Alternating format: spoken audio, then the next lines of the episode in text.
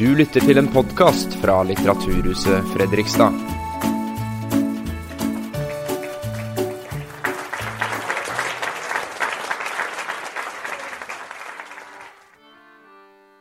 Farewell and adieu to you Spanish ladies. Farewell and adieu to you ladies of Spain. For we've received orders for to sail for old England. And we hope in a short time to see you again. We rant and we'll roar like true British sailors. We rant and we'll roar all on the salt seas until we strike soundings in the channel of old England. From Ashen to is 35 leagues. The first land we sighted was called the Dodman. Ray met off Plymouth, of Portsmouth the White.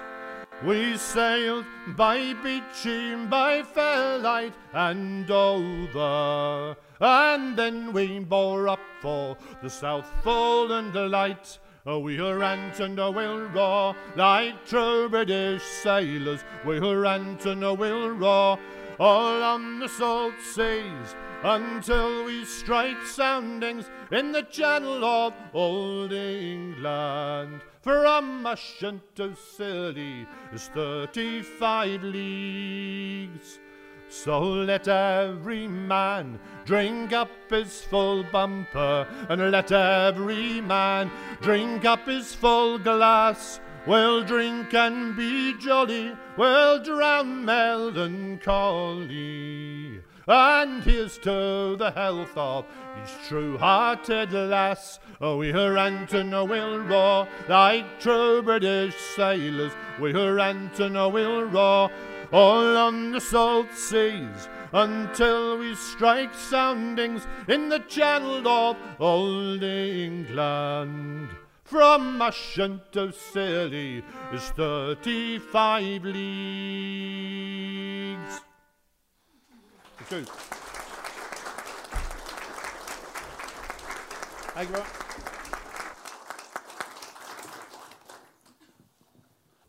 Det var en feiende innledning til eh, et, eh, et møte om eh, Jon Michelet. Jeg er sikker på at Jon ville satt stor pris på den Det er vel en shanty? Ja, ikke sant? Og det er jo et, et, et flott, eh, flott sjanger. Og sjømannsmusikken den, eh, den eh, hører jo naturlig hjemme når vi skal snakke om en sjø selv, Men vi skal jeg må si at det er veldig hyggelig å se så mange som har stilt opp her. Og mange av dere kjente sikkert uh, Jon. Han bodde jo ikke så langt unna. Og, og uh, Jon var jo på en måte en slags øst østfolding etter hvert. Selv om han uh, bodde mye i mange steder i sitt liv, så var det jo her han, han, slo seg ned for alvor til slutt. Og det er veldig hyggelig at Toril Brekke er her, som er Jons kone. Det, det, det var jo et et lite sjokk for mange av oss som kjente Jon, i, at han forsvant på selveste sommerdagen i fjor, eh, 14. april. Og, og det, ja, det, var ikke alle av oss som visste at han var så, så dårlig. Men, eh, men, den gode nyheten var jo da at han hadde klart å sprenge seg inn til mål med denne fantastiske serien 'En sjøens helt' og få ferdig det siste, siste bindet. Det, det, det er, jeg har aldri hørt om noe lignende, egentlig. At, at, eh, noen har klart å time det så godt som Jon klarte der. Men han var jo til, Han jobbet på hekta av deadline mange ganger, så han hadde en viss trening på akkurat det. Eh, jeg redigerte en gang sammen med Jon en påskekrim til Dagbladet. Og når vi kom fram til uh, Palmesøndag, så var ikke den kommet veldig langt. for å si det sånn. Og den skulle stå på trykk mandag, tirsdag, onsdag i, i påskeuka. Så der, da, da, var jeg, da, var jeg, Jon, Jon Wisles redaktør, og det var, uh, det var, en stor opplevelse. Og det gikk unna i et feiende tempo. Det kan jeg love dere, og den foregikk her i Fredrikstad for øvrig. Ja, sånn er det. Vi savner Jon. Det gjør vi. Det er, eh, men det er hyggelig for oss. Vi har nå, Det er faktisk tredje gang at vi sitter og snakker om eh, Jon. Eh, vi, vi var samlet i Oslo på, eh, med enda flere også da, da den eh, siste boken eh, 'Krigernes hjemkomst' ble lansert i fjor høst. Og så har vi vært eh, på plass i arkivet i Kristiansand, der Bjørn Tore jobber som eh, sjef for avdelingen for norsk krigshistorie. Seilerhistorie. Sei- krigsseilerhistorie. Ja. Um, og, og har da selvfølgelig hatt en del med Jon å gjøre i den forbindelsen. Og nå har han en full bil stående, klar til å kjøre ned til Sørlandet med Jons krigsseilerarkiv, som, som, som er blitt eh, donert til eh, arkivet. Som dere som ikke vet, eh, vet det, kan vi fortelle at Arkivet er altså et, et senter for krigsforskning som, som holder hus i det, på, i det huset der Gestapo overtok og, og, og hadde sin, sitt hovedkvarter på Sørlandet under, under krigen. Så der er det også museum. Så kommer dere til Kristiansand, så er det stedet å, å gå for å, for å se eh, på hvordan de holdt på der nede. Det arkivet skal altså nå Du sier du skal få et eget rom? Ja, vi planer, om- har planer om det. Eh, Jeg må jo legge til at Norsk senter for krigsseilerhistorie det ble etablert som et initiativ fra Jon. Ja. Så det er jo hans idé at vi etablerte det hos oss. Og han mente at vi burde ta på oss den oppgaven når han så alt det som strømmet inn til ham av materiale. Sånn, sånn sett så er det vi har gjort i dag, en, på en måte en sånn konsekvens av hans uh, idé for ja, I 2014 tror jeg han kom opp med den ideen. Men visste dere hva dere gikk til? Visste dere hvor mye det var? Nei, slett ikke. Jeg måtte ha hatt lastebil i dag. Jeg, tok, jeg tror jeg hadde en stor bil med i dag, men må nok ha en tur til med minst like stor bil. Ja. Akkurat. Svær varevogn Ja. full av pappesker. Ja. Og så skal du sitte og sortere dette og, og, og gjøre det tilgjengelig for seinere forskning rundt uh, krigsseilerne. ja, så absolutt. Og det er jo en drømmejobb å kunne få lov til å gjøre det. Jeg skal ikke gjøre det helt alene, men det, det skal jo gjøres tilgjengelig. Det er det som er poenget, slik at den historien kan leve videre også og bli forsket videre på. Ja, nettopp. nettopp. Og jeg tenkte vi først skulle snakke litt om, om Jon og hvem han, eh, hvem han eh, var, og hva slags inntrykk han eh, gjorde på om, omgivelsene sine. Og Tove, du var kollega med Jon, og en god kollega med Jon, og en god venn. Og du debuterte samme år som, som, som, som ham, i 1975. Da var du ung. Ja, jeg var bare Veldig ung. 22 Du er, du er år, ung ja. enda, men du, er, men du, du var, Ja, en, en en, du var enda en- yngre da, da. Det er en stund siden, Fredrik Vandrup. Jeg, jeg har bare lyst til å si veldig før det Jeg skal snakke om det, men Ja. at det er så fint å være her nå. For det er jo her en sjøens helt ender. Det er jo her det foregår i siste, slutten av siste bok. Da. Så det, det, si, det tenkte jeg mye på på toget. At nå, nå drar vi inn i slutten av en sjøens helt. Mm. Men eh, ja, altså jeg debuterte litt før Jon. Og kom til Oktober forlag, som den gang hadde to store, flotte skinnstoler. Og jeg var ung og lovende og satte meg ned i den ene. Og forlagssjefen sa forsiktig det er, eh, den er Jon Michelet sin. Den er Dag Solstad sin. Bare sånn at du vet, i tilfelle en av dem skulle komme inn, at da reiser du deg opp. Og det var veldig klart fra starten at det var jo et forlag hvor, hvor Jon Michelet var veldig stor, Ja, sammen med f.eks. Solstad. ja selvfølgelig. Ja. Eh, så så det, det ble et langt kollegaforhold, et langt, eh, langt vennskap. Ja, nettopp. Men du debuterte ikke på, på oktober? Nei da, jeg var et annet sted Ja. i flere år. Helt til jeg selvfølgelig skjønte at det var et kraftfelt. Skjønnlitterært kraftfelt. Ja, eh, og jeg ville dit. ja nettopp. Ja. nettopp, nettopp. da ble jeg kjent med Jon Michelet. Jeg kan ikke helt huske første gang vi møtte hverandre. Vi har vært mange ganger i forlagssammenheng, men jeg husker veldig godt som jeg har fortalt om tidligere, at vi dro på bokmesse til bokmesse i Frankfurt og satt på flyet. Og vi var faktisk, for Jon var også en sjenert mann midt i all sin utadvendthet. Så jeg tenkte nå kommer vi til å bli litt kjent. Og så tok Jon opp en perm. Eh, en av mange permer.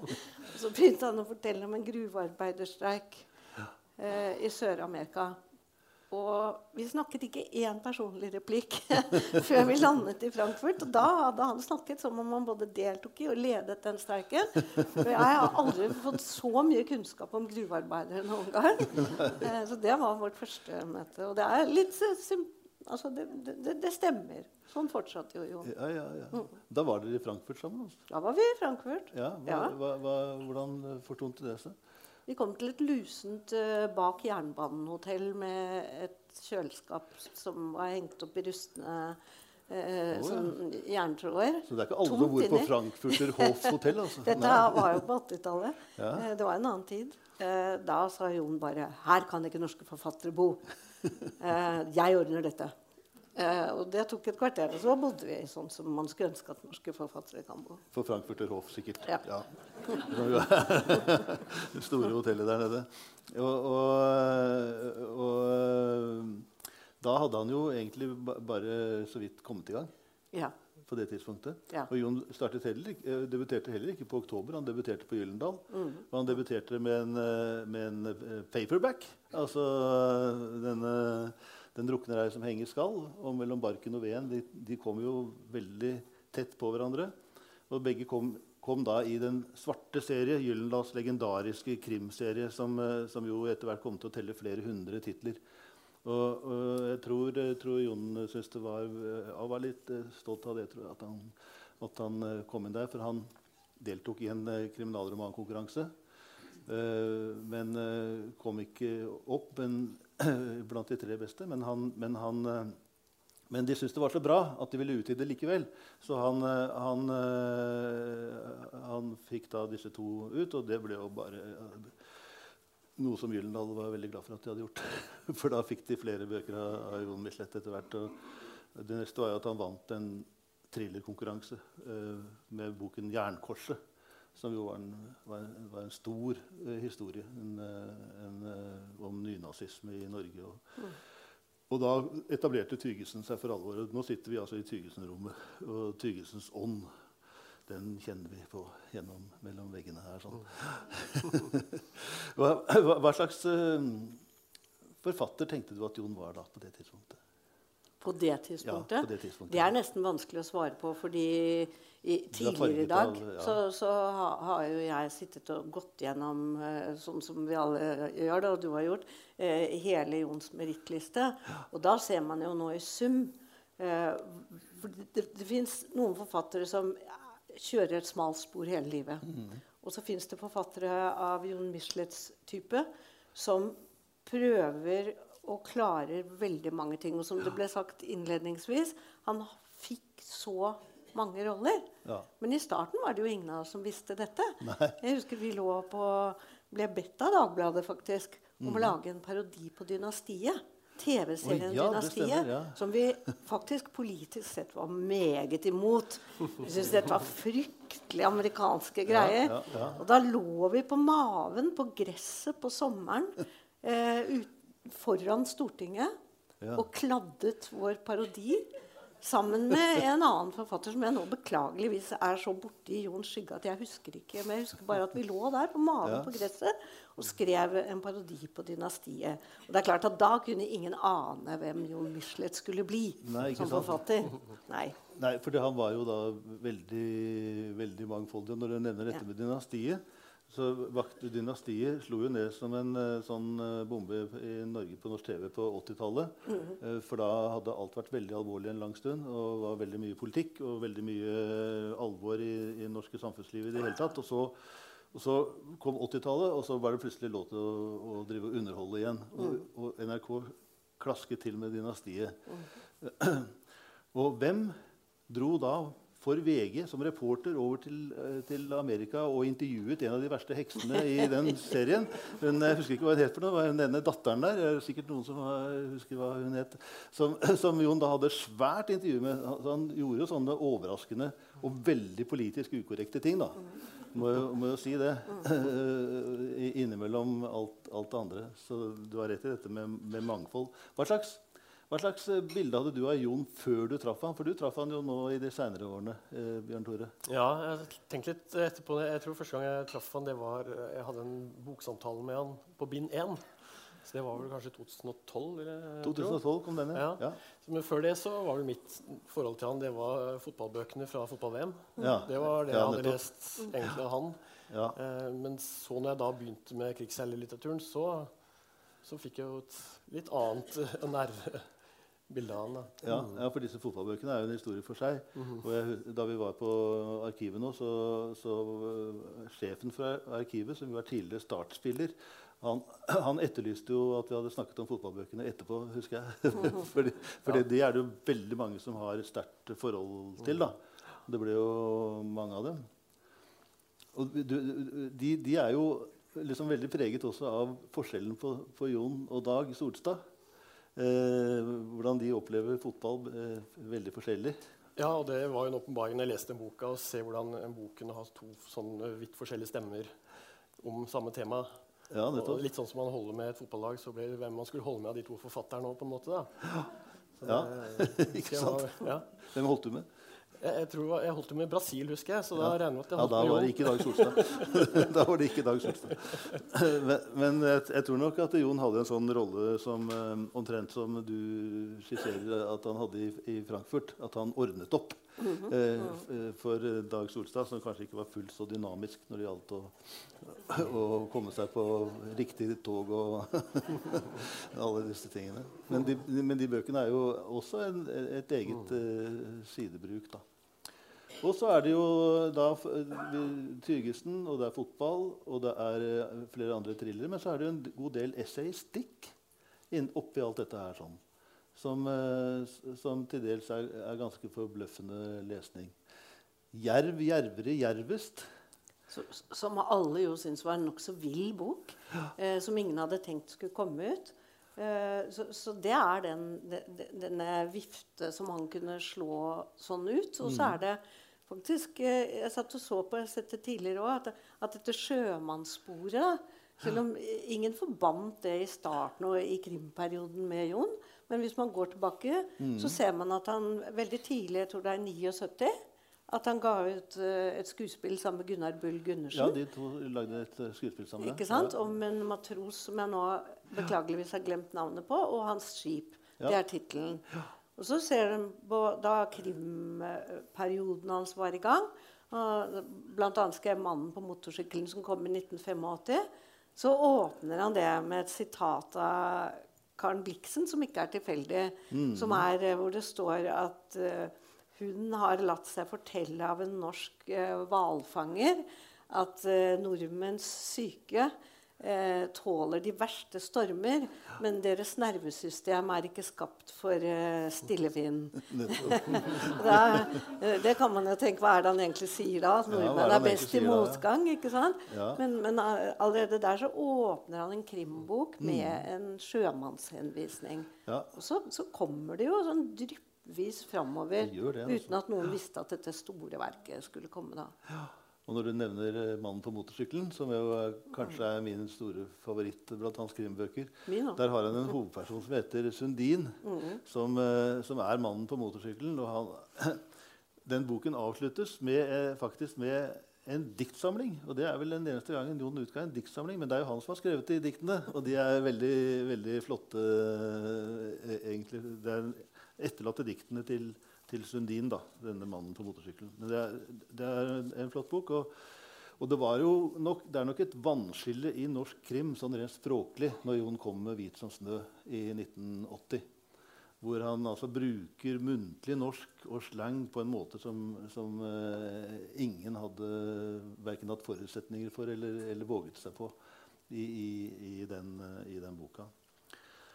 Og så skrev han barnebøker, faktisk. Og var, var, et sånt ustoppelig energisk eh, menneske som forfatter. Men altså hele tiden også da engasjert i, i eh, Ikke minst i da AKP-ML på, på 70-tallet med 'Oktober', eh, hvor han var forlagssjef. Og, og, og seinere tok han jo over, over Klassekampen som redaktør. I var det 1998. Og, og, og da var den avisa inne i en dyp krise. og det var mange som, som ikke likte at Jon eh, gjorde det. Fordi det var veldig splid i, i avisen, og mange, mange sluttet. Men hvis han ikke hadde gjort det, så tror jeg ikke at Klassekampen hadde vært den avisen den er i dag, som nå er en avis som eh, alle slags mennesker faktisk eh, har glede av å lese. da. Den var ikke nødvendigvis det på 70-tallet, men, eh, men, men nå ja, det er, det er, Jeg tror det er rett og slett eh, 50 år siden Klassekampen kom ut første gang i, nå, i år. Eller er det, ja, blir det 50 eller blir det 40? 50? Jo, jeg tror den kom ut på 60-tallet. Så, så, så han eh, I ettertid så viser det seg nok at det var en meget viktig, viktig oppgave han tok på seg der også. Så stilte han til, på, på valglister. Ble vel ikke valgt inn på Stortinget. Det hadde jo tatt seg ut. Det hadde vært fantastisk.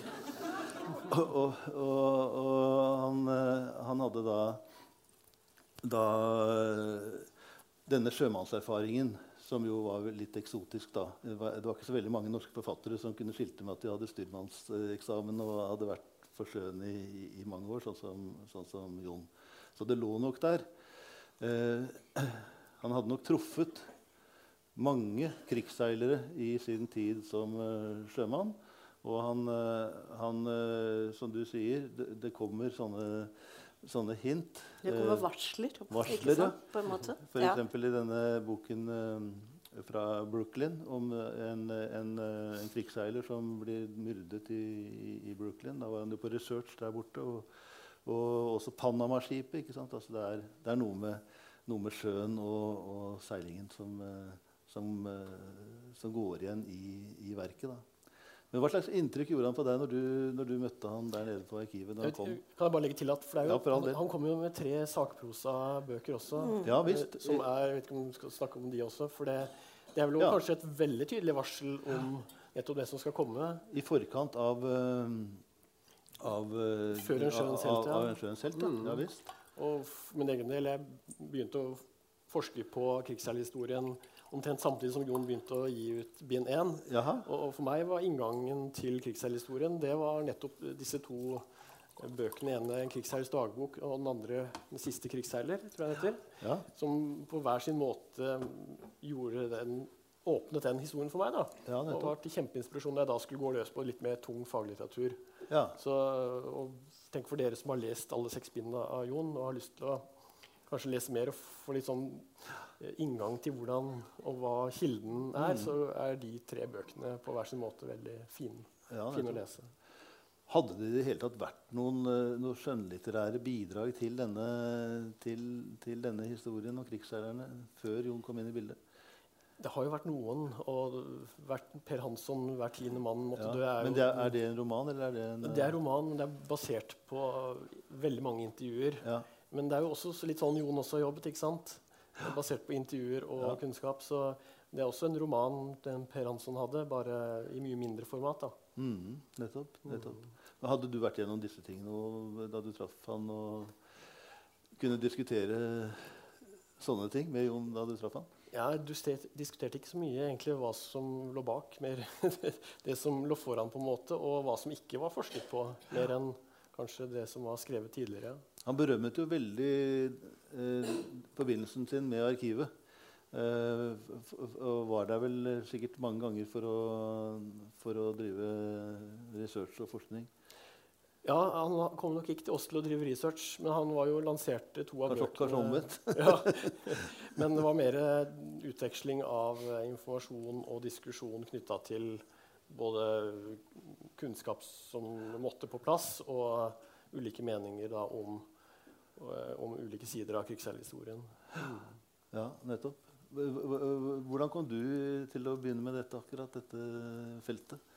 Altså, jeg begynte jo da på et doktorgradsløp, da, ja. Samtidig som da bind to kom ut. Eh, og på den måten så fikk vi veldig mye nytte av hverandre. Både ved at eh, eh, Altså det å da kunne forske på et felt som da Jon løfta opp på en sånn måte, er jo et privilegium som veldig få har. Ja. Eh, og så var det jo fantastisk inspirasjon for meg, men jeg tror også kunne jeg bidra litt med hans arbeid med å både ja, F.eks. sjømannsdomstoler da, som et tema. Det er bind fire.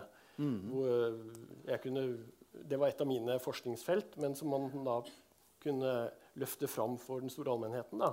Eh, den store allmennheten leser jo ikke vitenskapelige artikler.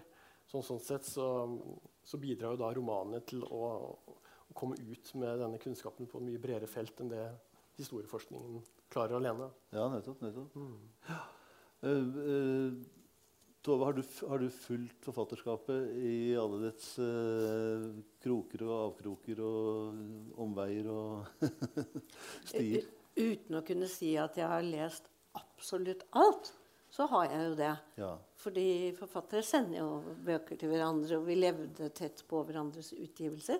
Det jeg tenker på når du sier dette, er jo også at det fins eh, forskjellige typer forfatteridealer. Mm. Det fins et rent forfatterløp som, som, eh, både ofte er smalt, men som, som også eh, som, som ikke henger så fast i den ytre virkeligheten. ikke sant? Og så fins det dette, dette, denne brede viften som Jon hadde, som henger sammen med all livserfaringen hans, men også den sterke journalistiske siden hans. Mm. Eh, og jeg vil bare føye til, siden dere er fra familien, at de som har levd med en forfatter, er jo ofte, ser det jo fra, fra innsiden og er jo helt sikkert ofte vant til å høre dette. Får jeg det til? Får jeg det til?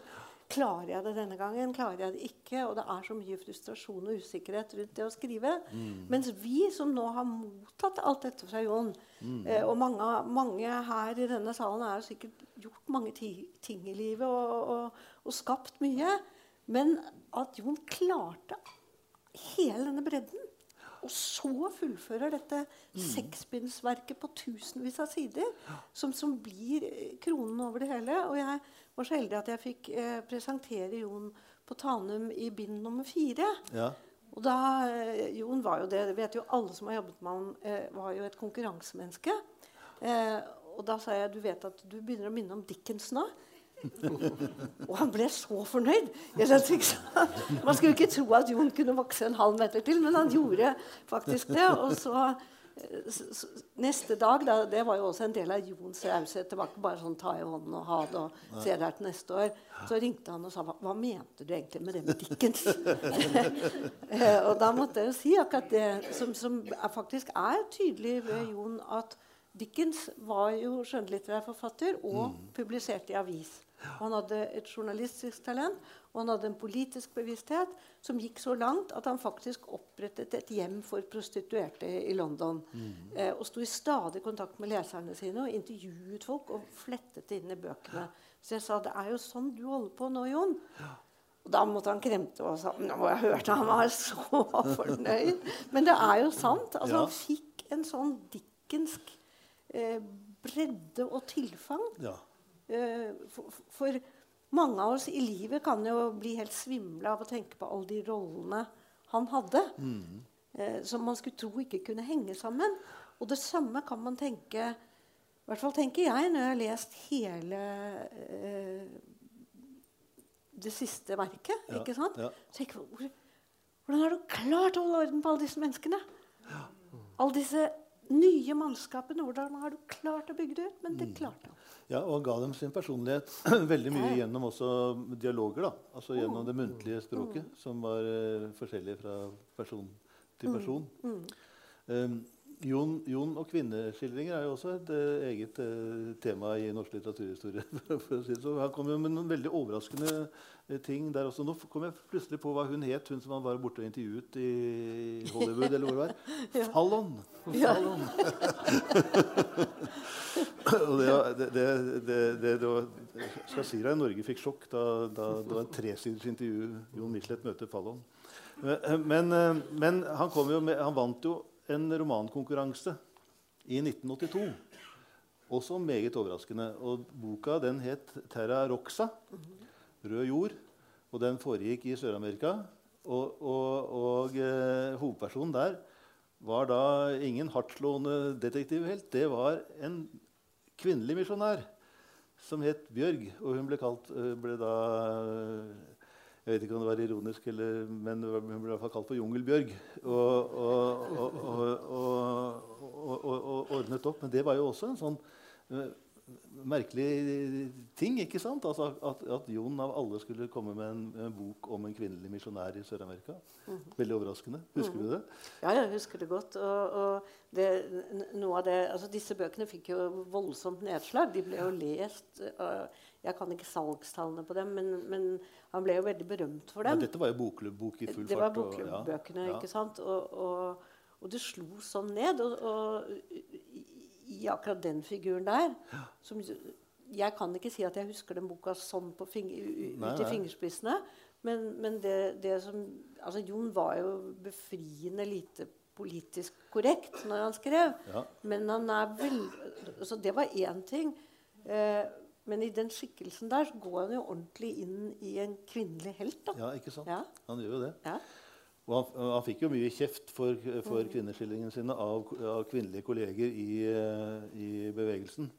Men, eh, men da den første boka i, eh, i 'En sjøens helt' kom, så, så har han jo en skildring da, eller flere skildringer faktisk av, av sjøfolkenes uh, uh, skal vi si, lystige liv ute i de fremmede havner. Og, og da, da kunne han vel tenke seg at, han hadde, at, at dette spetakkelet hadde begynt igjen. Men det gjorde det ikke.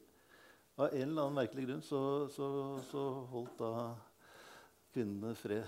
Lot han være i fred. For, eh, sannsynligvis fordi at det hørte vel med. Jeg tror at hvis man har hatt litt eh, nærhet til skip og sjøfolk i sitt liv eh, Hvis man da skulle begynne å rette på saftige språk eller grove uttrykk i disse romanene altså Selv så har jeg vokst opp med sjøens folk, og faren min var skipshandler. Og han hadde en sånn brun mappe. Og mor kikket i den ofte, og det lå ofte datidens sånn 60-tall, 70-tallets eh, vovete magasiner. Jeg kan ikke kalle det pornoblader, for det var det ikke. Men det var fullt av nakne damer. Og på kveldene så satt mor og jeg med tusj og tegnet, fordi de skulle far bringe til sjøfolkene. Ja. For han kjøpte jo da varer til, sjøfolk, nei, til utenlandske sjøfolk som lå ved norske havner. Og da satt mor og jeg med tusjpenn og tegnet kjoler. og hatter. Og bukser og kåper. Og så la vi de erotiske magasinene pent ned i den brune mappa igjen. Og så skulle far levere dem til sjøfolk neste dag. Og mor smilte, og jeg skjønte hva vi var med på. Men vi visste jo godt at altså, det, det var jo ikke et det var jo et rufsete og ruglete miljø Jon skrev om. Ja, ja, ja. Og det måtte jo bli sånn. Så hvis, uh... Viss realisme må man uh, vente seg. Vi skal snakke mer om en sjøens helt, og, eh, og det skal vi gjøre. Men først tror jeg nå at det er på sin plass med litt mer musikk. Og vi hører gjerne en shanty eller to hvis eh, det er uh, spillerom for det. det var et flott uh, lite trekkspill du har med deg også. Eller det, er kanskje ikke, tre- det heter kanskje ikke trekkspill? Det er en konsertina. Det er en konsertina, ja. ikke sant? Og hvor, hvilken del av verden stammer den fra? Er Det er Englands nasjonalinstrument. Det er Englands nasjonalinstrument. Så nå lærte vi noe nytt i dag òg. Det vet ikke England ennå, men jeg jobber med saken. Em, jeg tenkte en sjømannssang, men ikke en shanty. For um, um, jeg begynte Den første sangen jeg sang, var uh, fra den britiske krigsflåten. Men jeg tenkte å ta noe lokalt hadde vært fint. Og en, eh, ny oppdagelse, egentlig. For dette er en, eh, en sjømannsvise som da er samlet inn fra, en um, eldre dame som heter Margit Olsen, som bor på Djupedalsåsen um, eldrehjem på, på Hvaler. Eh, og hun er kilden til mange sjømannssanger som ikke har vært eh, nedskrevet før. Og denne her heter 'En sjømanns jul på havet'. Og det jeg syns det er en liten perle, for den er eh, det kunne, Jeg tenker liksom Annet vers kunne nesten være 'Skogsmatrosen' det handler om. altså. For det er en um, Eh, mye sjømannssanger balanserer på den der eh, sentimentalitet, realisme. Men jeg syns at den sangen her klarer balansegangen veldig bra. En sjømanns jul på havet.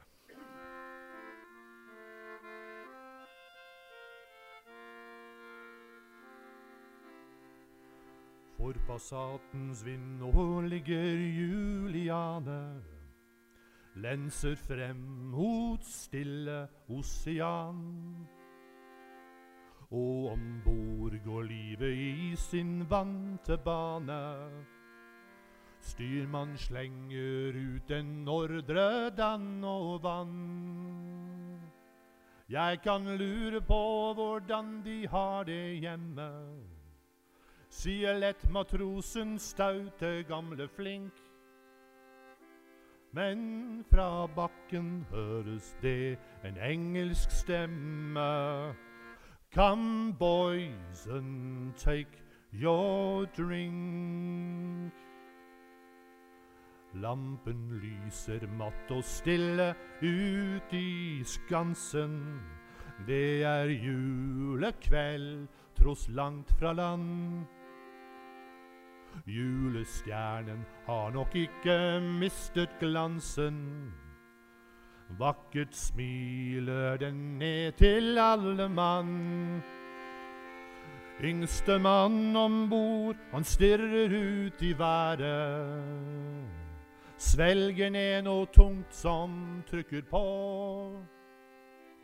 Den som kunne nå i kveld blant sine kjære rundt julegranen gå. Du som nå skal feire julen langt der hjemme, skjenk en tanke til en norsk sjømann. Når i julekvad du heve vil din stemme, Husk han ville gjerne gjøre likedan. Gamle minner ifra lengst forsvunne dager kommer flyvende med havets salte vind. Mens passatens vind langs skutekanten jager. Tørke tårer av hans kinn.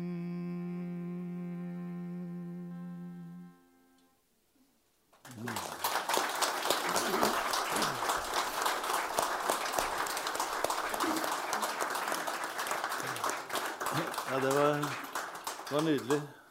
Jeg kom til å tenke på den gamle norske slageren 'Julekveld på Hawaii', men uh, denne her var finere. denne var bedre. um, ja, en, en, eh, en sjøens helt. Jeg tenker på, du, snakket, du, nevnte Dickens. Det er klart at, uh, at det er det, det, var, det, var, åpenbart ikke noe, noe bevisst forbilde for Jon, men, men det, var, det, er godt sett av deg. Jeg tror kanskje at den, den forfatteren som betydde aller mest for Jon sånn helt fra starten av, var nok Hemingway, mm. som, som, som, lærte han, som han lærte å skrive av. på en måte, lærte disse, denne understatement og de fine, korte, korte setningene osv. Men, men, men så svulmet han jo ut, i, og framfor alt kanskje i disse bøkene her, da, som ble veldig, veldig store alle sammen. Ikke, har dere regnet ut hvor mange sider det er til sammen? Det er i hvert fall eh, 600-700 sider i hver bok, så det, det blir jo en, en, en, del, da. Og, og øh, Jeg tror ikke at planen var å skrive seks bind da han begynte. Jeg husker jeg kom ned og intervjuet han. Eh, vi hørte han i gang med en ny bok og hadde den på gang. Og, og det var 'Skogsmatrosen'. Og da dro jeg ned der sammen med fotograf eh, Lars Eivind Bones. Og vi, vi, fant jo da Jon inne i denne stua, som var forvandlet til en slags sånn Uh, blanding av uh, bibliotek og skipslugar. Uh, med altså alle disse remediene rundt omkring, og dyrehoder og, og alt verdens som, som, en ekte sjømann skal ha rundt seg. Og så, og så var det dynger på dynger på dynger med, med, papirer som lå i et system som bare Jon kunne finne fram i, antagelig. Og så holdt han på å bygge steingjerder rundt, uh, rundt huset sitt. Og så, og, og så, fortalte han da om dette, som, som, jo nok som vi har vært inne på, var en gammel drøm. Å skrive en ordentlig roman om sjøfolkene. Men ingen hadde en fjerneste peiling på hva dette skulle bli. Og hvor, hvilken suksess det skulle bli. Det var, som, det var ikke mulig å tenke seg at en, en roman om krigsseilerne skulle ta av og, og bli den opplagssuksessen som, som, det, som det ble. Uh, var du inne på det tidspunktet så tidlig som da han holdt på med den første boka? Da jeg begynte med ja. krigsheltertema, så jeg var veldig heldig med timingen min. da, ja, jeg gikk ja. inn på dette her. Um, og sånn sett så var det jo en, en drøm å kunne lese altså Som historiker også kunne lese en roman som handlet om akkurat det som jeg er aller mest interessert i. Nettopp. Mm. Så dere starter på en måte fra hvert deres utgangspunkt. Du som doktorand og, mm. og forsker, og, så, og Jon som skjønnlitterær forfatter. Og så, og så hadde dere da dette felles eh, temaet. da.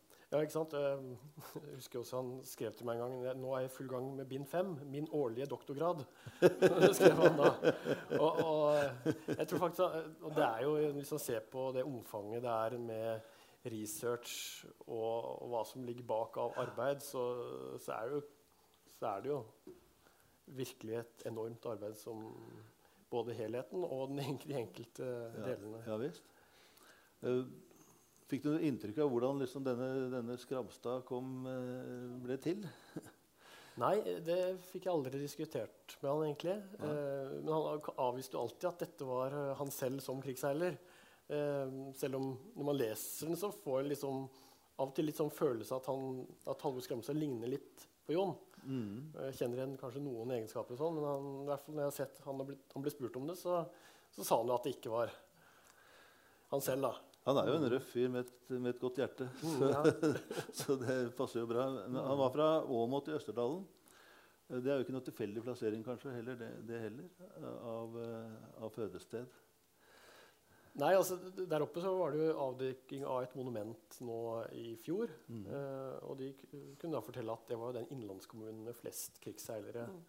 eh, per innbyggere. Så sånn sett så traff han veldig bra. Jeg vet ikke hvor, hvor mye han visste om Rendalens krigsseilere før det. Men, eh, men, det var jo en del krigshandlinger også oppe i, i de traktene. Ja, absolutt. Mm. Mens kongen flyktet over hals og hode. Og så mm. Så det var, ikke, det var, vel et, sted som har en egen klang i, mm. Eh, i norsk eh, krigshistorie. Mm.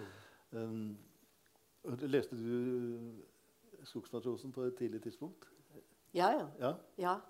ja, ja. Og jeg, jeg tenker når, når når du sier at, at, det var ikke planlagt at det skulle bli seks bind. Mm. Det, det, det, det, kan det vel mulig ha vært. Og jeg husker jo at, at, at etter hvert som reaksjonen kom, mm. at, disse bøkene slo så inn ja. i, i, i, hele det norske folk. For det må man faktisk kunne si. Det er jo en, en eventyrlig suksess. Ja. Eh, og første bok eh, sin første linje kan jeg ikke ordrett, men da står det jo en ung eh, Eller det står ikke en ung, det står en gutt gjør seg klar til å altså snøre, snøre på skiene og gjøre seg klar til et eventyr ut i verden. Og så er det den unge gutten før juli 1939 mm. hvor mor står og vinker. ikke sant? Og, Jon har jo fortalt at da han dro til sjøs og sa mor at 'tatover deg ikke'. ikke, sant? ikke sant? Og mor her sier jo 'husk at du skal spare til motorsykkel', ja, ja. og for all del ikke tatover deg. Og så sier hun 'så ses vi til sommeren'. Og så kommer dette spennet hvor vi absolutt ikke ses ja, til sommeren. Han maste og maste hjemme om å få lov til å dra til, til sjøs, og til slutt så fikk han lov av moren sin. da, Men uh, han måtte love å ikke tatovere seg. Uh, som Jon selv sa. Så, ja, så jeg var jo, var jo den, jeg er jo, er, den gangen var jeg den eneste sjømannen som ikke hadde tatovert meg. Nå er jeg den eneste nordmannen som ikke er tatovert. så, så det, var jo, det var jo en drift hos han å komme seg ut, ut, ut, på sjøen. Det er jo helt sikkert. Og den har han noe felles med, med, med Halvor Skramstad. Da, som, er ganske autentisk hvordan han, han, kommer til byen og søker hyre og kommer seg på, på båt og, og, og, og, sånne ting. Hvor, hvor tett uh, syns du dette ligger opp til virkeligheten? Det, Nå tenker jeg ikke på hele verket, men sånn i utgangspunktet. At, uh, ja. Nei, altså Jeg opplever jo den historien som veldig uh, autentisk og, og, ekte. For det, jeg tror nok uh, Jon jeg hadde et enormt fantastisk godt utgangspunkt for å lage den historien. Mm. Både med det at han hadde så utrolig gode historiekunnskaper fra før. Han mm. hadde erfaring fra sjømann. han hadde engasjementet ikke minst i bunnen for disse sjøfolkene. Ja. Eh, og en vanvittig fortellerkraft også. Så liksom alt på en måte lå jo til rette for at det var han som skulle skrive denne, Mm. dette eposet. ja. Det, strutter jo av fortellerglede. Ja, altså, Helt fra jeg- første stund. Det, det gjør jo det. Og, og, og språkgleden til Jon Mm. er jo uovertruffen gjennom at han, at han er den store forteller som unner seg 600 sider per bok. Eh, og han er leksikal. ikke sant? Mm. Jon var jo et leksikalsk menneske. Man kunne jo spørre, si et eller annet ord til ham. Si strekkfisk til Jon, så fikk du en forelesning om strekkfisk. Eh, ikke sant? Og han kunne gjerne finne på å tegne den for deg også.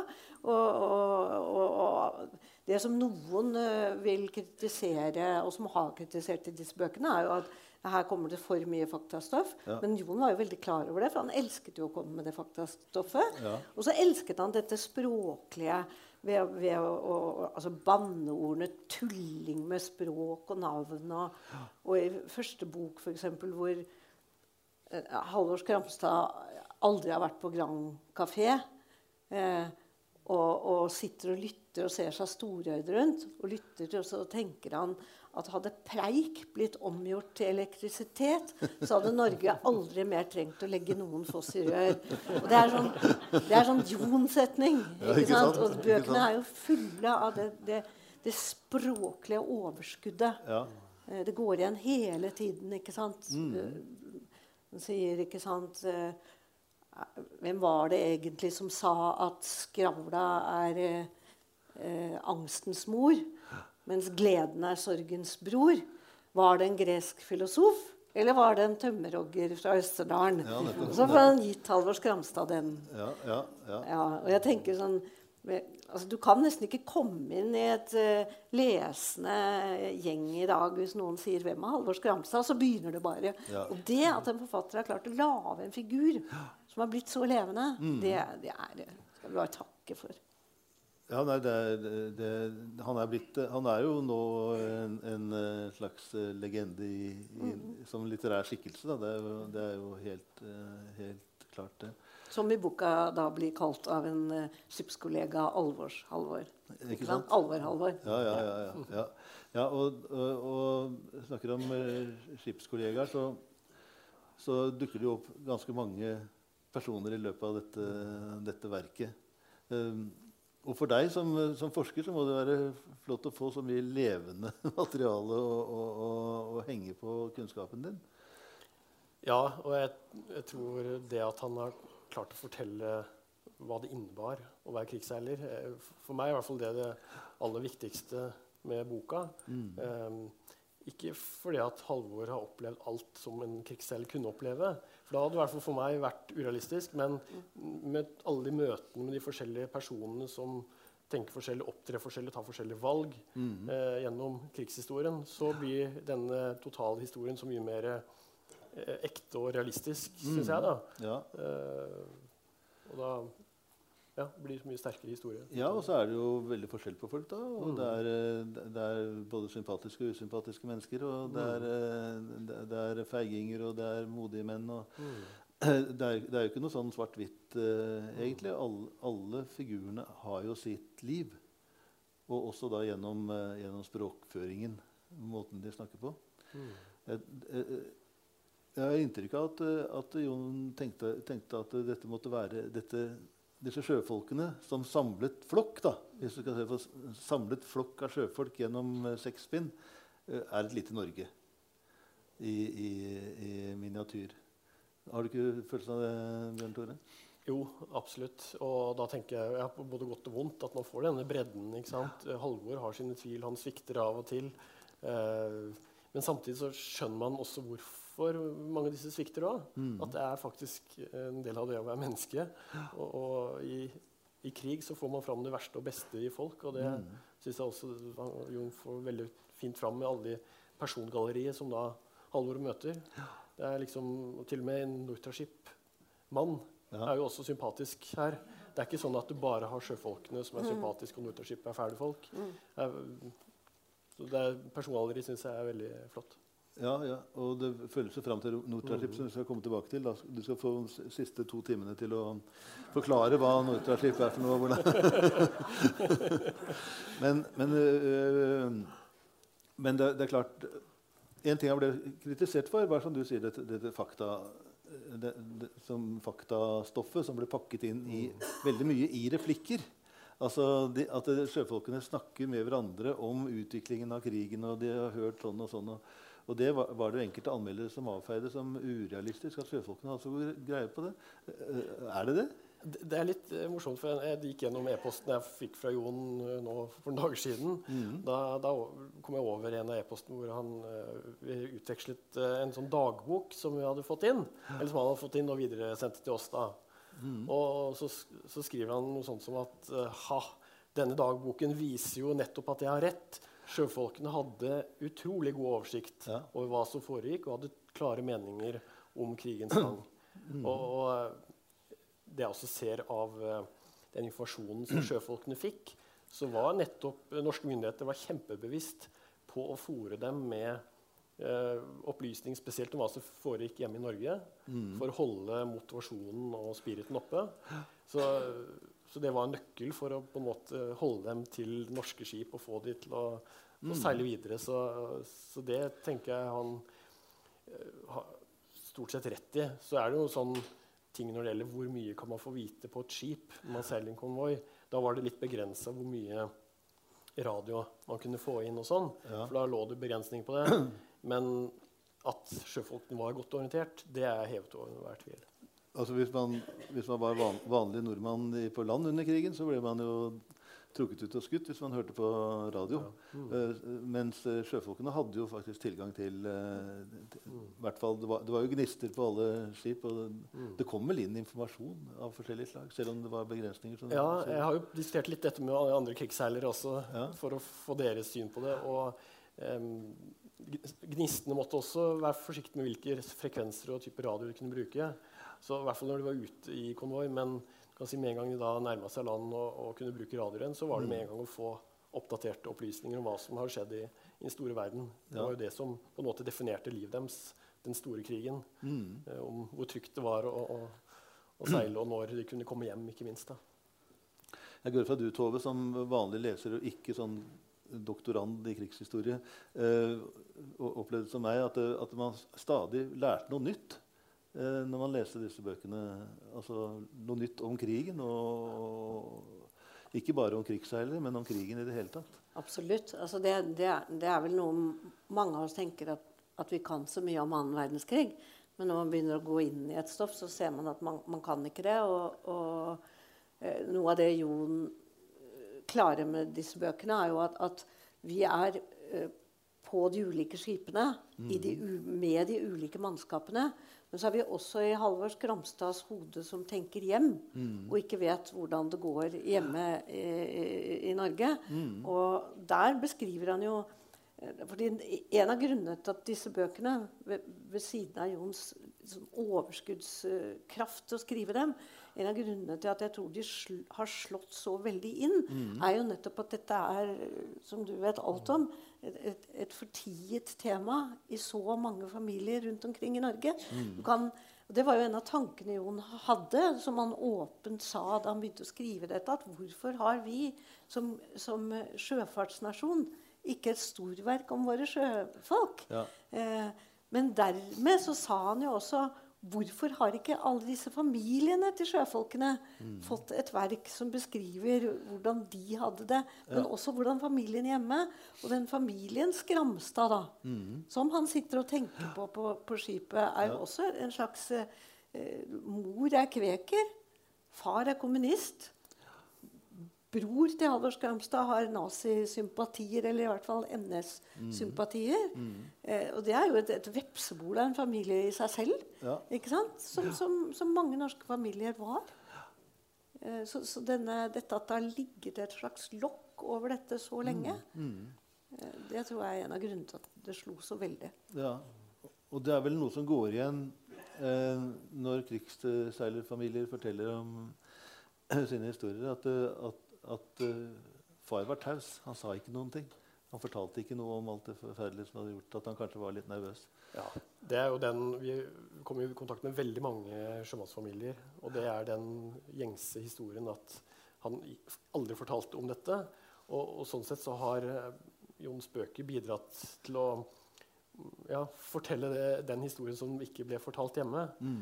Eh, at de har forstått mer hva det vil si å være krigsseiler. Mm. Eh, det er det ene, men også for mange har det vært skam knytta til den historien. Ikke minst fordi mange fikk problemer etterpå. Eh, en del måtte ty til alkohol. Eh, og da har de gjerne familien skammet seg over reaksjonen mer enn hva som var årsaken til dette. Ja. Og, og nå tror jeg for veldig mange har denne skammen blitt gjort om til, til stolthet. Og det tror jeg kanskje noe av det viktigste som da disse bøkene har Mm. absolutt bidratt til. For, ja, for Jon var jo veldig opptatt av at sjøfolkene etter krigen de, de ble jo ikke akkurat uh, behandlet som helter.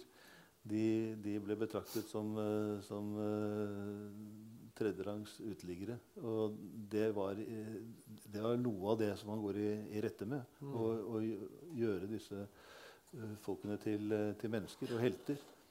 Ja, for det som er interessant er jo også at De var jo de største heltene under krigen.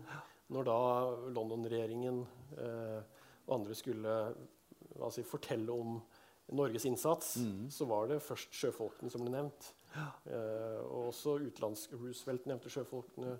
Og mange britiske eh, også som alltid snakket om norske sjøfolkene, som fikk veldig mye ros under krigen. Ja, Men så møtte de da den veggen når de kom hjem. ja, Eh, som da ble så kontrast til det de kanskje da hadde opplevd ute igjen. da.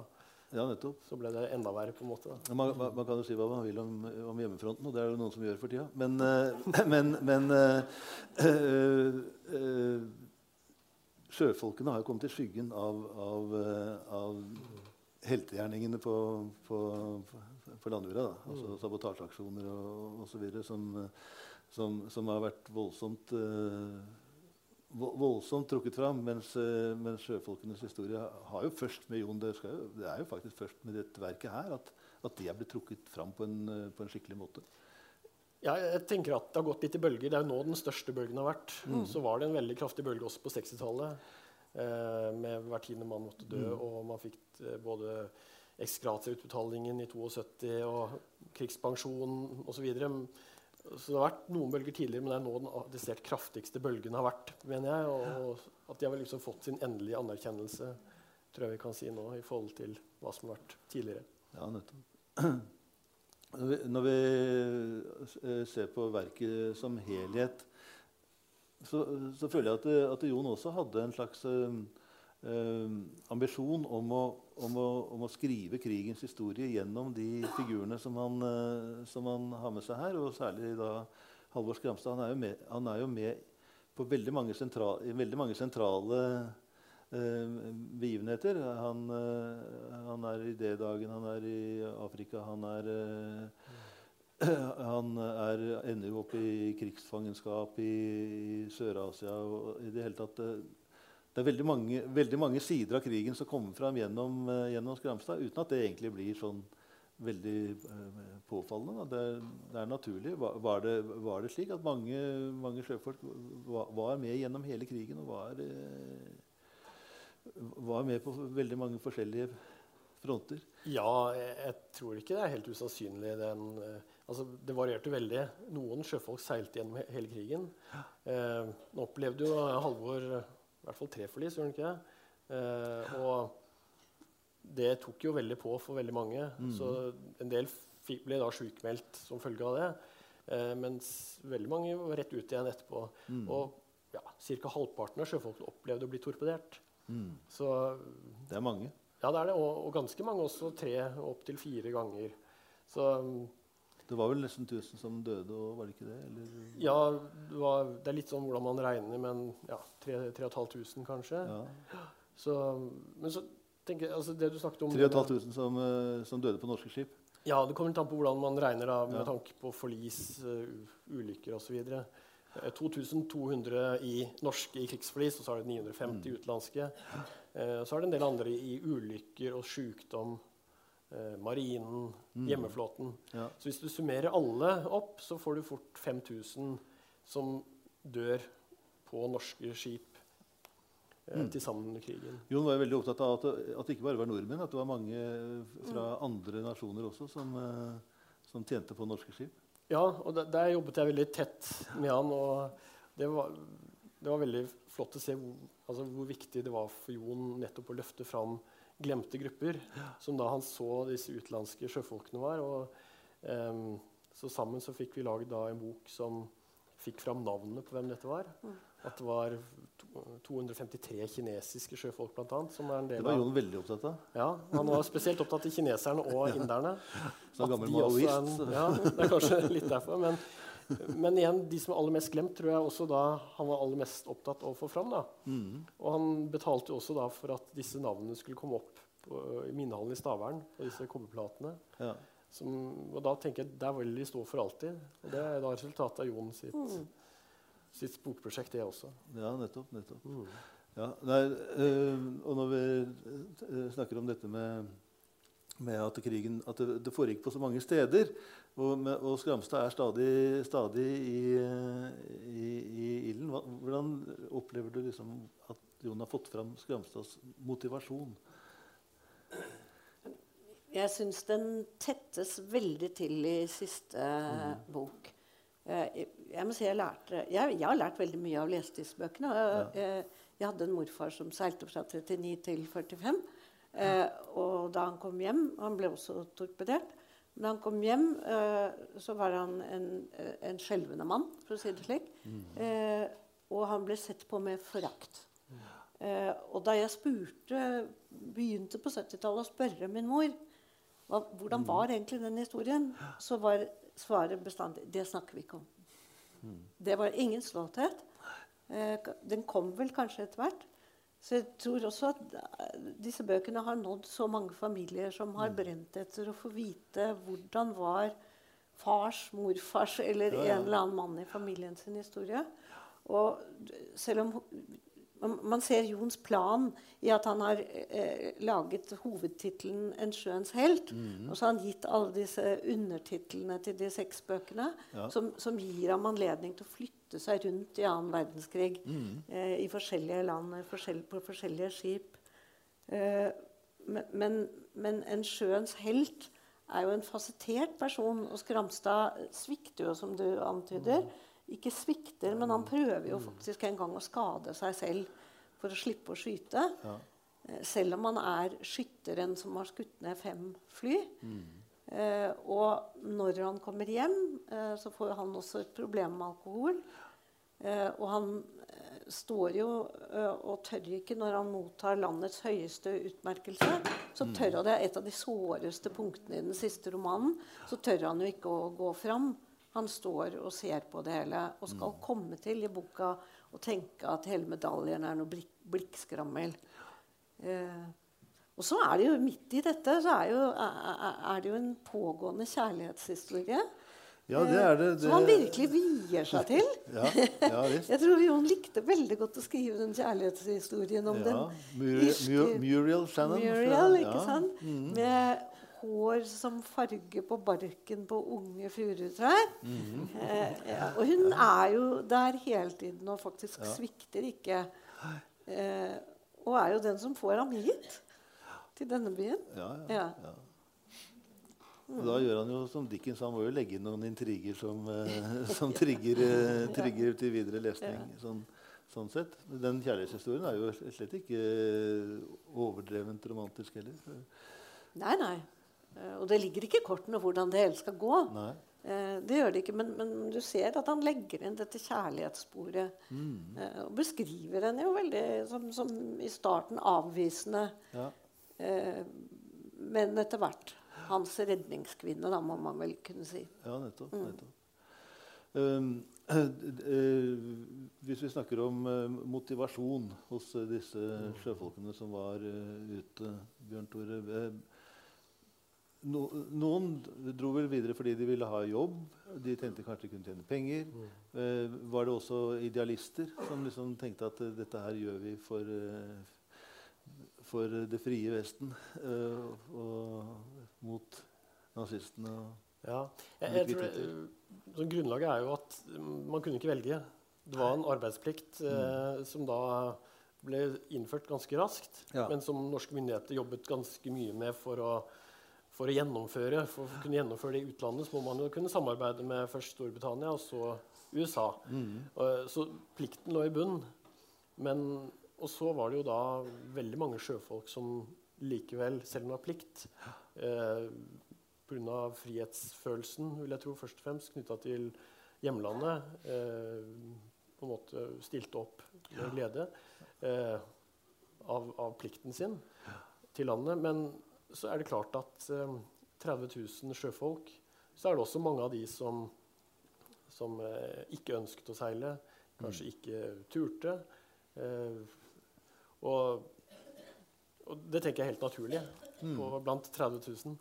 Eh, og sånn sett, I bind fire så kommer jo Jon veldig mye inn på denne, hva som ble gjort for å disiplinere sjøfolkene. Det Ja. er da han kommer inn på Bad Elements-arkivet, sjøfartsdomstolene og også dette fengselet i Dundee, forferdelige fengselet som eh, Jeg husker jeg, jeg fikk en mail fra han om jeg, om jeg kunne dokumentere at det faktisk fantes et, et sånt fengsel i Dundee. Eh, og når jeg da fant noen dokumenter på Riksarkivet som bekreftet det, så fikk jeg mail tilbake. Eh, Takk, nå har jeg sendt Halvor like i fengsel i Dundee. ja. liksom, jeg tror han var veldig bevisst nettopp på å Ja. bruke Halvors historie for å, å dokumentere noen av disse sidene i historien som han syntes var veldig viktig å få fram. Da. Ikke bare fordi det var spennende å ha han i fengsel, men fordi det var viktig å formidle. Dette var jo da. for mange nytt stoff. Altså, det, var, det, det var sånn som man uh, skvatt litt til når man leste. For var det sånn? Var det mulig? Og Ja, for dette er jo ikke blitt skrevet noe særlig om før. Eh, så sånn sett så var det nytt for de aller fleste å høre om både fengsel og sjøfartsdomstoler og Bad Elements-arkiver. ja, ja. Så, for det har vel vært ubehagelig for alle egentlig kanskje å snakke om dette i etterkant. Jeg forklar kort hva, hva det dreide seg om. Ja, altså Bad Elements-arkivet det var et arkiv som man begynte med i 42, hvor man begynte å loggføre de som måte brøt reglene. Eh, og så fant man etter hvert ut at man kunne utelukke de som hadde brøt reglene for mange ganger. Eh, så kunne man også bli sendt til sjøfartsdomstolen i England som det også ble opprettet for å på en måte kunne disiplinere sjøfolkene og, og tvinge de til å seile og ha, ha noe å true med i andre enden. da. Ja. Eh, Det er veldig godt skildret av, av, av Jon. da. Eh, hvordan tror du han snublet over det stoffet der? Har du følelsen av? Ja, han, jeg husker han øh, skrev at han hadde fått tilsendt Jeg vet ikke fra hvem, Nei? men da eh, kopi eller original fra i hvert fall disse dokumentene som i 45 handlet om Bad Elements-arkivet. Ja. Så han ut fra det fant ut at han måtte få dette her også da inn i historien. Og det er sånn jeg tror veldig mye av denne historien har blitt til. ved at um, etter hvert som bind 1 og bind 2 kom ut, så begynte folk å sende ting til han. Ja. Eh, familiehistorier osv. Som på en måte ga mye mer innhold og farge til, Mm. til historien. Da. Og det var vel noe som også gjorde at han følte at, han kunne utvide verket og, og fortsette. Eh, sånn som han, eh, han gjorde. Et, det var én bok i året, altså, bortsett fra den siste, som eh, da tok eh, to år av meget forståelige grunner. Men, men eh, det er jo vanvittig sånn fysisk prestasjon.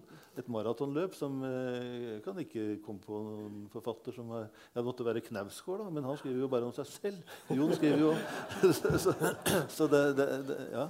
Ja, for jeg, jeg tenker, altså, Vi gikk jo gjennom i stad alt det han har gjort. Han er jo gjort så enormt mye mer enn kanskje ti personer kan gjøre. ja. Men det som Arrestert, lik, likevel kjennetegna han, var jo at alle som har kontakt med han, opplevde å bli tatt på alvor og møtt med både respekt og interesse. Eh, alle som jeg vet, som sendte e-poster til han, fikk svar og eh, ble gjerne kjent igjen når man pratet igjen med han. Så, så det, samtidig som han da klarte å produsere så mye, det tenker jeg sier også ned om han som person. da. Det. Møtet hans med disse Absolutt. eh, Han eh, var jo et av de mest omgjengelige menneskene jeg noensinne har møtt. Han gikk jo overens med absolutt alle. Når vi var ute rundt omkring og, og lanserte disse bøkene, for jeg var med på flere, flere av dem, så kom det jo alltid folk bort etterpå. eh, og liksom Du, Michelet, eh, har jeg har noe greier her. Og, altså, det, det var, det var, det var en, eh, Kildetilfanget økte etter hvert som, eh, etter hvert som eh, bøkene nådde, nådde fram. Så Jeg, jeg- var i Oslo Årlogsforening sammen med ham. ja, Eh, helt på tampen av dette verket. ja. Eh, og da alle vi som kjente Jon, visste jo at han skulle ta toget til Larkollen. Han hadde ofte dårlig tid. Og han sto der og hadde allerede fått på seg kappa si og eh, mappa si eller veska si. Men altså den utvekslingen mellom forfatter og lesere mm. i den årlogsforeningen, hvor eldre menn med sjø- og skipserfaring sto i kø, Ja. og hvor mange tog for å fortelle sin historie, og Jon lyttet, for han var jo en lytter også, og lyttet og lyttet. Og mistet antagelig alle tog til slutt. Det er et bilde som sitter igjen. Og når du spør om det med motivasjonen for, for, altså, til sjøfolkene Ja. og å skrive om det, så tenker jeg også at, at en, de, disse eh, bøkene om sjøens helt er, er jo også eh, kameratskapsromaner. Ja. Ikke sant? Det handler jo så mye om tette forhold mellom menn som arbeider sammen. Ja. Eh, er nydelig beskrevet her er jo Gulbrandsen, Ja, ja. som omtaler seg selv som Gulbrandsen. Og som, i, og som er kronisk kåt og snakker om damer hele tiden. Og som i siste bind har mistet en arm. Så han er den enarmede Gulbrandsen, men gir aldri opp. Og som Jon lar Skramstad og Gulbrandsen føre så mange politiske samtaler. Ikke sant? Som jo også speiler den der politiske bevisstheten blant mange sjøfolk. Og som jeg tenker Når man har lest det ferdig, så blir man sittende og tenke altså for, for i denne boka så er jo Skramstad en, en, en krigsveteran. Og når vi hører ordet krigsveteran Sjømenn i det hele tatt, litt sånn barka folkeferd. Men, men de er 24 og 25 år. Det er jo bare De er bare unge gutter Ja. med veteranerfaring. Ja. Ja. Det er også noe slående ved disse Absolutt. bøkene. Og så fikk jo Jon også oppfylt da sin drøm om å skrive dette Nortra-skipsstoffet inn i, i, i verket. da. Og det har vel også vært en sånn skamplett som har hengt over eh, det norske samfunnet eh, i alle år. Ja, det er jo den store verkebyllen. og har vært det egentlig siden den ble kjent sånn litt etter uh, andre verdenskrig var slutt. Det var noen sjøfolk som visste om Nordsjøfondet under krigen. Det bruker jo også Jon ganske aktivt i, i flere av bindene, egentlig. Så han liksom bygger opp til eh, finalen i, i siste bindet. Ja. Og eh, det er jo på en måte det som da eh, ja, har definert på mange måter det å være krigsseiler. Den bitterheten som veldig, veldig mange følte når pengene ikke kom, som de mente de hadde krav på. Ja. Det gikk jo sikkert mange rykter om, dem, eh, om, om, disse pengene blant sjøfolkene også. Ja, det var nok veldig mange som ikke visste om dette under krigen. Eh, mens noen visste om det, og det ble jo også brukt i 1940 som en sånn desperat eh, virkemiddel for folk til å seile Ja. når det var som verst i 19, sommeren 1940. Så, så har det funnet dokumenter som viser at Storbritannia ga eh, norske myndigheter tillatelse til å bruke disse opplysningene når fondet aktivt for å få folk til å seile. Og, og det slo da på en måte tilbake igjen eh, etterpå, da, når man skjønte at ikke alle skulle få. At disse pengene skulle bare betales til de som man etter søknad hadde behov for det. Ja. Ja, nei, det, det er jo et kapittel for seg. Og det er ikke lett å, å skjønne Uh, egentlig alle de mekanismene som virket der politisk også. Jon var veldig opptatt av en høyrepolitiker som, som smalt i bordet. Hun eh, Claudia Olsen. Claudia Olsen snakket han varmt om ved flere anledninger. som, som, som da slo i bordet og sa hvor skapet skulle stå på et visst tidspunkt. Mhm. Men Hvordan syns du Nå skal vi snart eh, avslutte, men eh, Tove eh, Som verk, og som eh, ikke engang Dickens skrev et så, så stort verk om ett emne, men eh, eh, det er jo også noe med at det, det litterært sett kommer i mål, da. Ja, altså du, du ser jo hva Jon gjør på slutten. Han øh, I den utrolig vanskelige sykdomsperioden så klarer han å, å runde dette av. Altså Halvor Skramstad ender her, i denne byen, og får et uh, liv her i fred. Og, og han, han dør på siste side. Uh, Jeg, jeg tenker at disse bøkene kommer til å bli lest av veldig mange forskjellige grunner. Eh, og det kommer til å ta tid før man klarer å se i sum eh, dette enorme arbeidet som ligger bak, og hva, hvor mye som Jon har løftet fram av forskjellige deler av krigshistorikken. Da. Mm. dette, dette kommer til å tenke deg hvordan, hvor mange som er i gang med å skrive særoppgaver om dette. Hvor mange som kommer til å holde på med det i lang, lang, lang tid.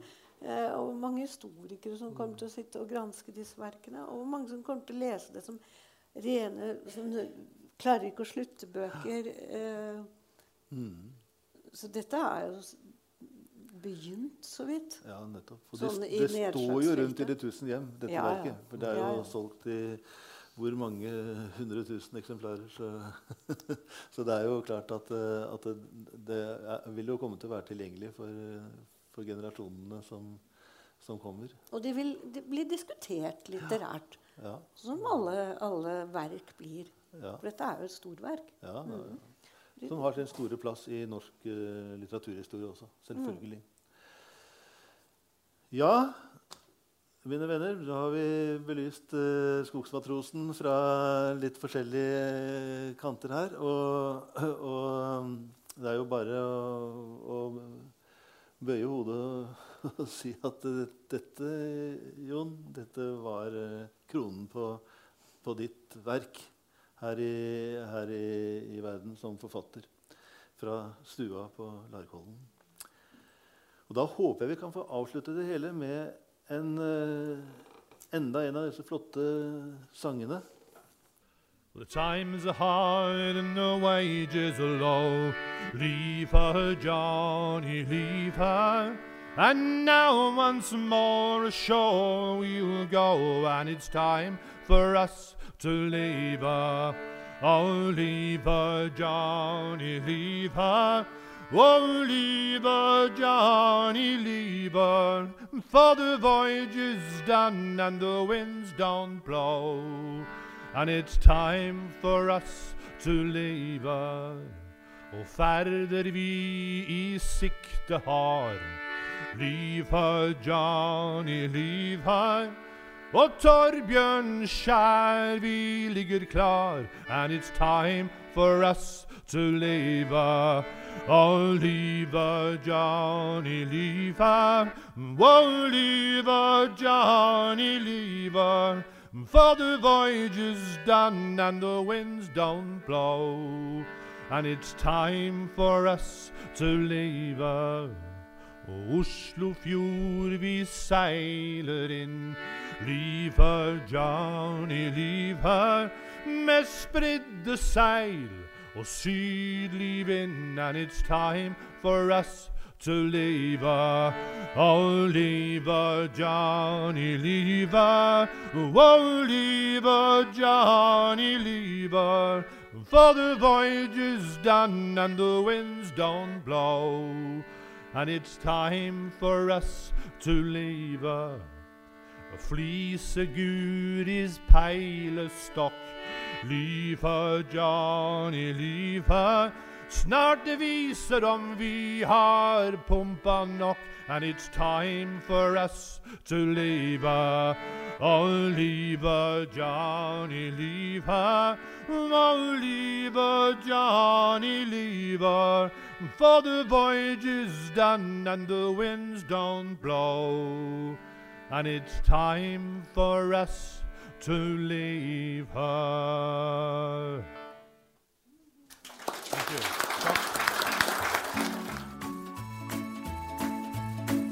Nå har du hørt en podkast fra Litteraturhuset Fredrikstad.